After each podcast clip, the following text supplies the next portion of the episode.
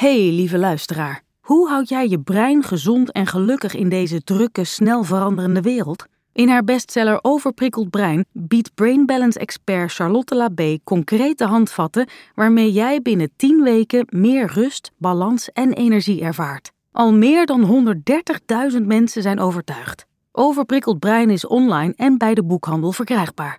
En dan gaan we nu door naar de podcast. Je gaat uithalen, want die ander, weet je wel, als je het even, even chargeert, die ander moet dood. Zo. Of die ander zijn overtuiging moet dood. Snap je? Je wil winnen. Als je Ja. op het moment dat je aan het vechten bent, dan moet er één winnen. Zolang je in die overleefstand staat, ga je er niet uitkomen. Je moet eerst weer rustig worden, want dan heb je weer toegang tot die neocortex en dan snap je weer van, oh ja, dit kunnen we ook op een andere manier aanpakken. Welkom bij Lieve Marianne, een podcast waarin ik brieven beantwoord over het leven en de liefde. Jullie brieven over grote en kleine problemen. Ik ben therapeut en schrijver Marianne Mudder. En ik ben Rachel van der Pol, jouw sidekick.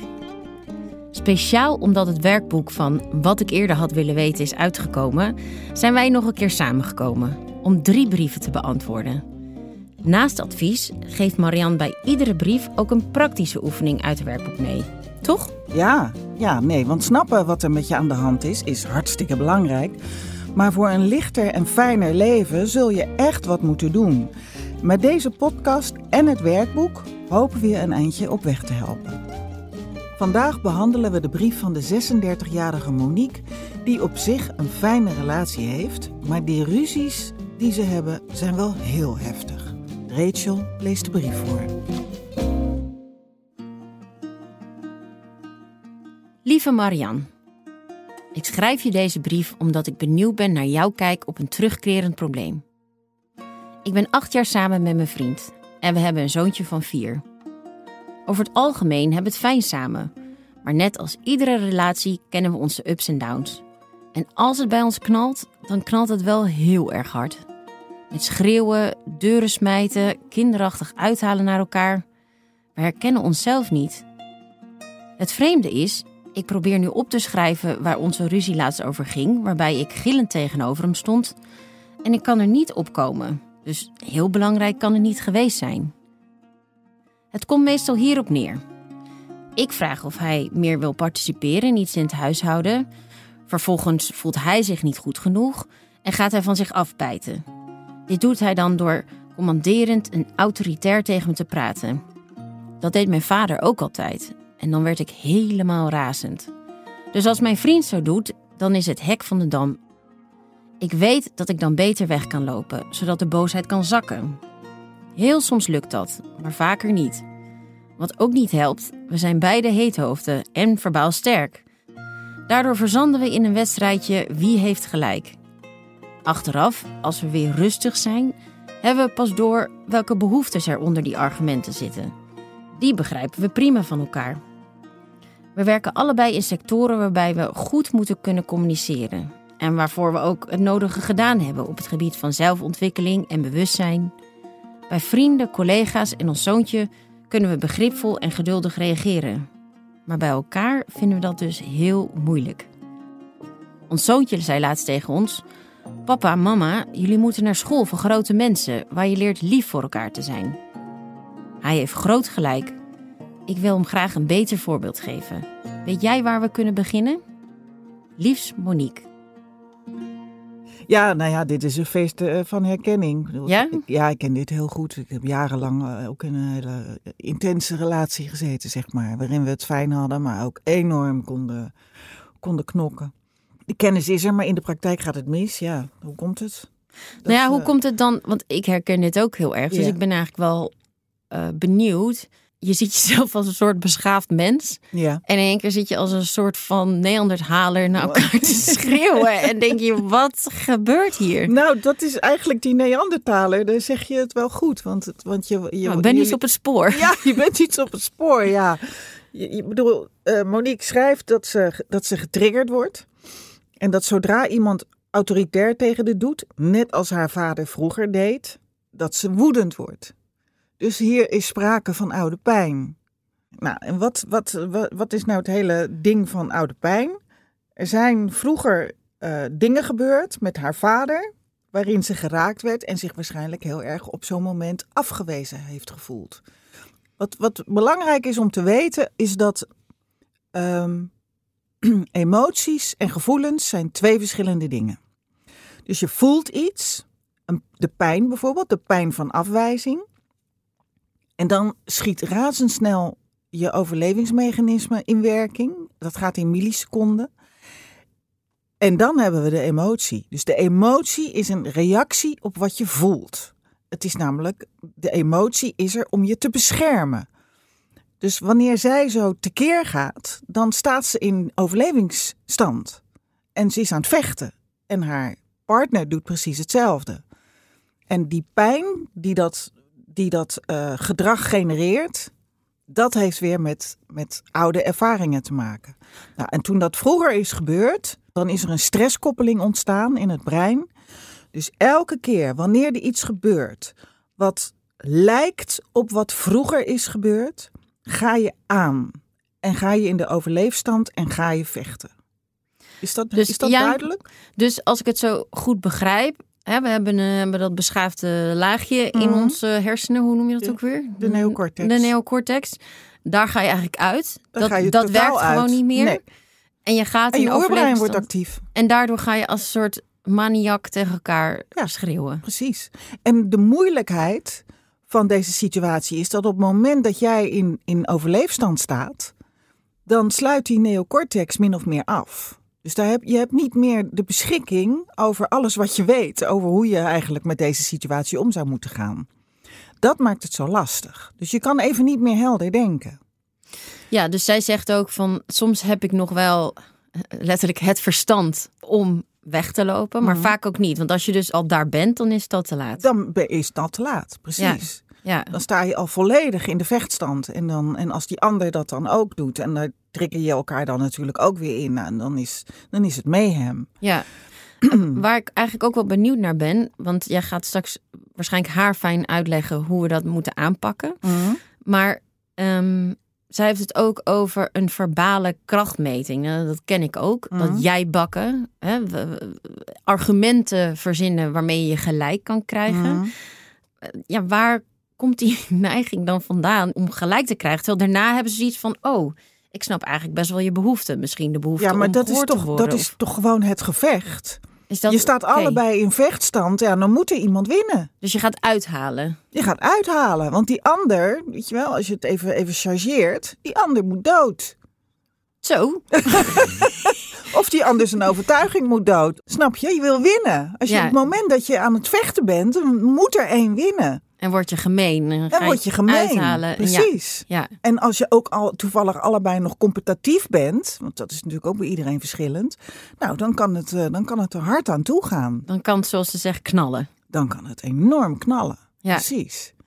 Ik heb een keer een boek gelezen van Marshall Rosenberg. Hmm. Geweldloze communicatie. En ja. dat, dat gaat dus ook helemaal over uh, praten vanuit je behoeftes. Hmm. Dus je kan bijvoorbeeld zeggen van.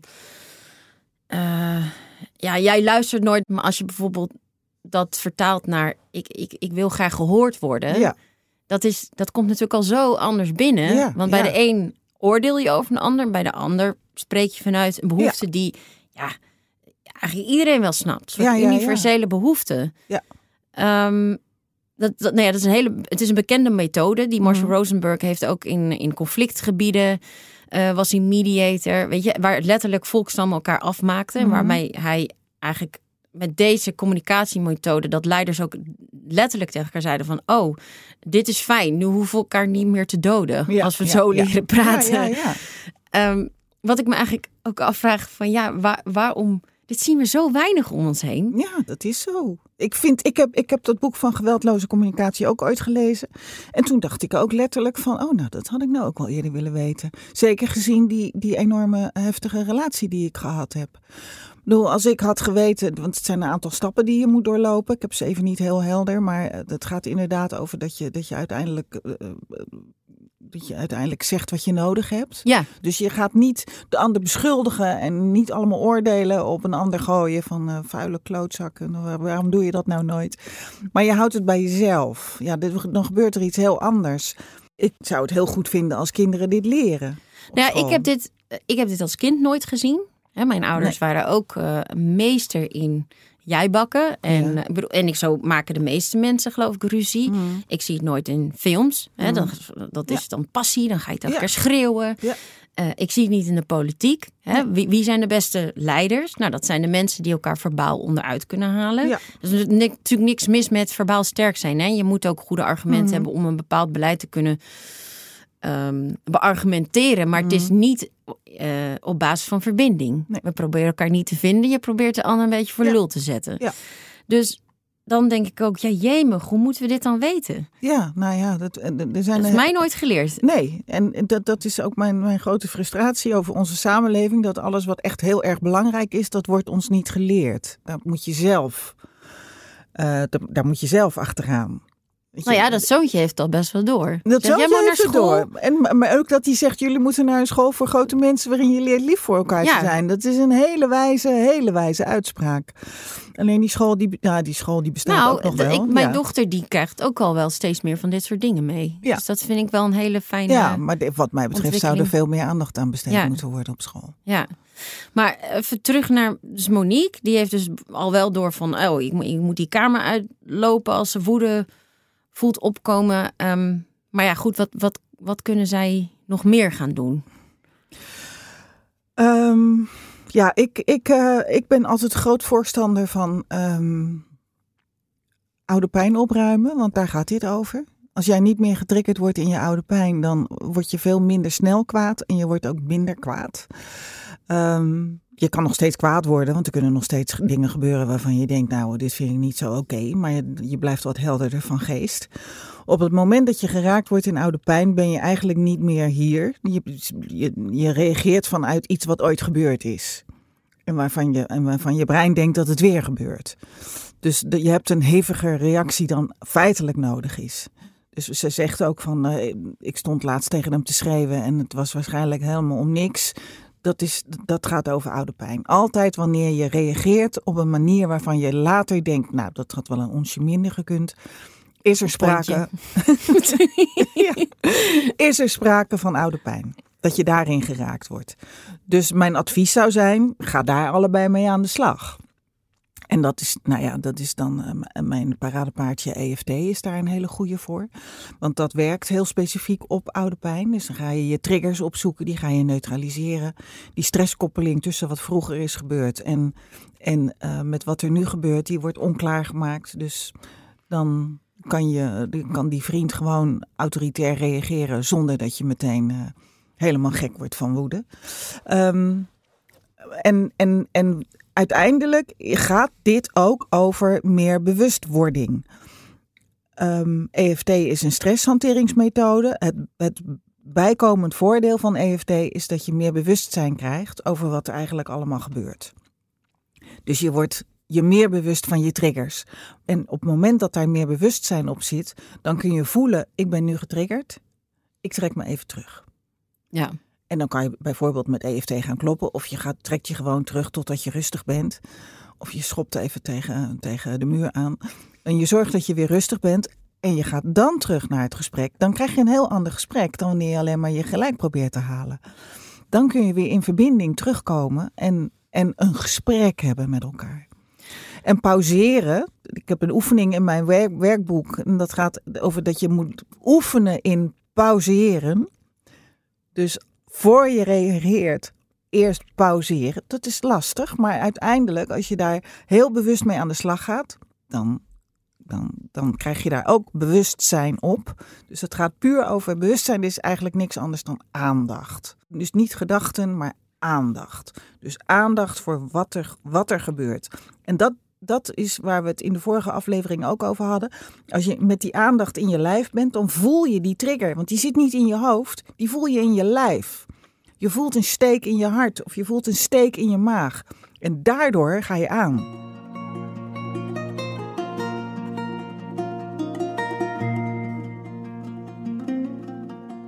Ja, ik kan me voorstellen als daar al meer bewustzijn op zit.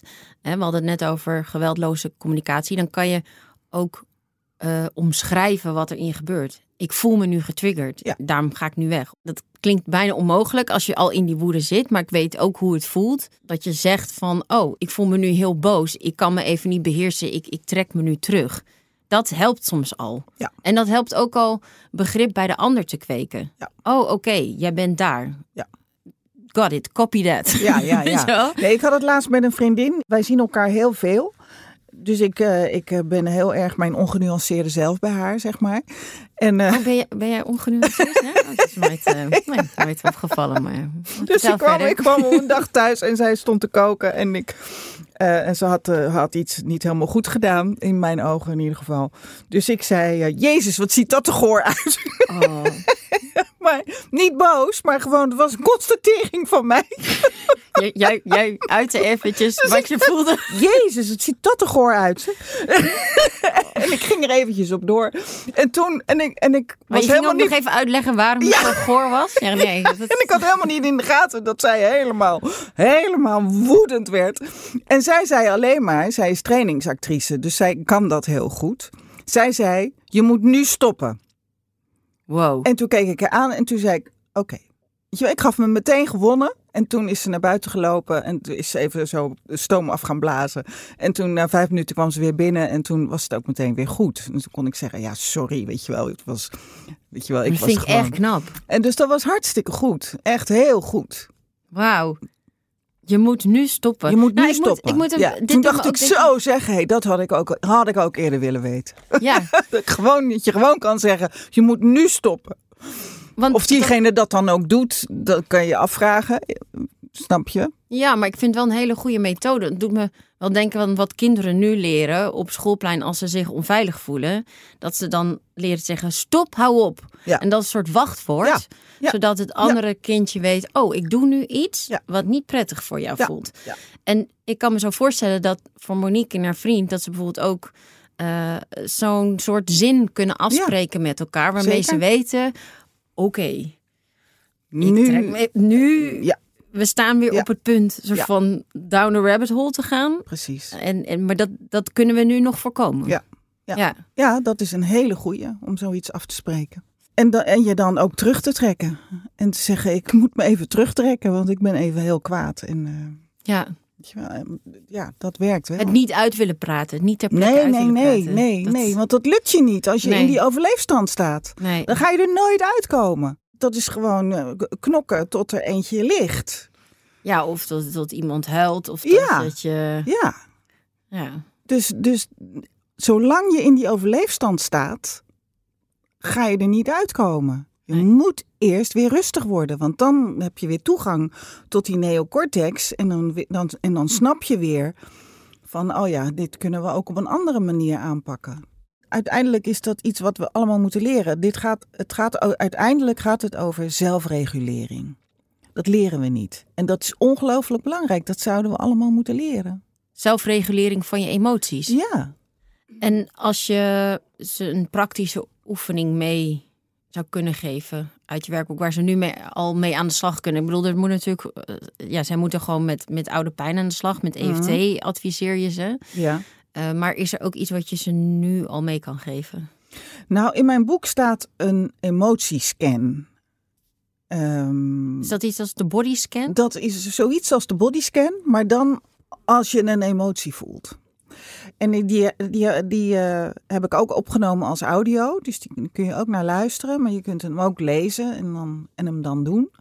Eh, dat is een oefening waarbij je bij je emotie blijft. Dus je gaat met je aandacht naar de emotie in je lijf. En die ga je scannen. Je gaat niet. Dus de gedachten die je erover hebt, die laat je voor wat ze zijn. Het is een oefening in voelen wat je voelt, zonder te analyseren of het stom te vinden of een ander de schuld te geven. Dus het is een hele goede oefening voor meer bewustzijn. En ook wanneer je dat doet, dat is het bijkomend voordeel, verdwijnt het heel vaak. Een emotie wil gevoeld worden, wil gekend worden. En op het moment dat je daar met je aandacht naartoe gaat, dan heel vaak verdwijnt het. Dus je kunt, wat je, je ik, ik leg het in die scan, leg ik het helemaal uit. Je kan, die, je kan kijken waar zit die emotie. Soms voel je die alleen in je benen bijvoorbeeld, of in je buik, of in je keel. En dan ga je voelen van waar zit die helemaal. Weet je? Oh, hij gaat helemaal door naar mijn nek. Oh, mijn nek is helemaal stijf. Dus je gaat, je gaat het niet proberen op te lossen, die, die emotie. Want dan krijgt die ander het weer. Dan krijgt die ander het weer te verduren. Want dan ga je die ander de schuld geven. Of je gaat jezelf de schuld geven. Dat is ook niet goed. Dus je gaat alleen maar naar die emotie kijken. En ik geef, doe, ik geef altijd een metafoor mee. Je, je blijft erbij zoals een moeder de hand van haar zieke kind vasthoudt. Je, je kan dat kind niet beter maken als het koorts heeft. Je kan alleen de hand vasthouden en een uh, washandje op het voorhoofd ik leggen. Ik ben er. En ik ben er. En dat is ook wat je met je eigen emotie kunt doen. En dat is helend. Je krijgt er meer bewustzijn door. Dus dat is een hele goede oefening. Je luisterde naar Lieve Marianne, een podcast van VBK Audiolab en Ambo Antos Uitgevers. In mijn podcast heb ik het onder meer gehad over zelfregulering en EFT. Wil je daar meer over leren? Ga dan aan de slag met Wat ik eerder had willen weten, het werkboek of ga naar mijn website marianmudder.nl. Redactie van deze podcast is in handen van Rachel van der Pol en ik, Marian Mudder. Coördinatie Hedy de Vree. Opname en sounddesign is gedaan door Tinium Audioboekproducties. Muziek BMG Production Music. Bedankt voor het luisteren en hopelijk tot de volgende aflevering.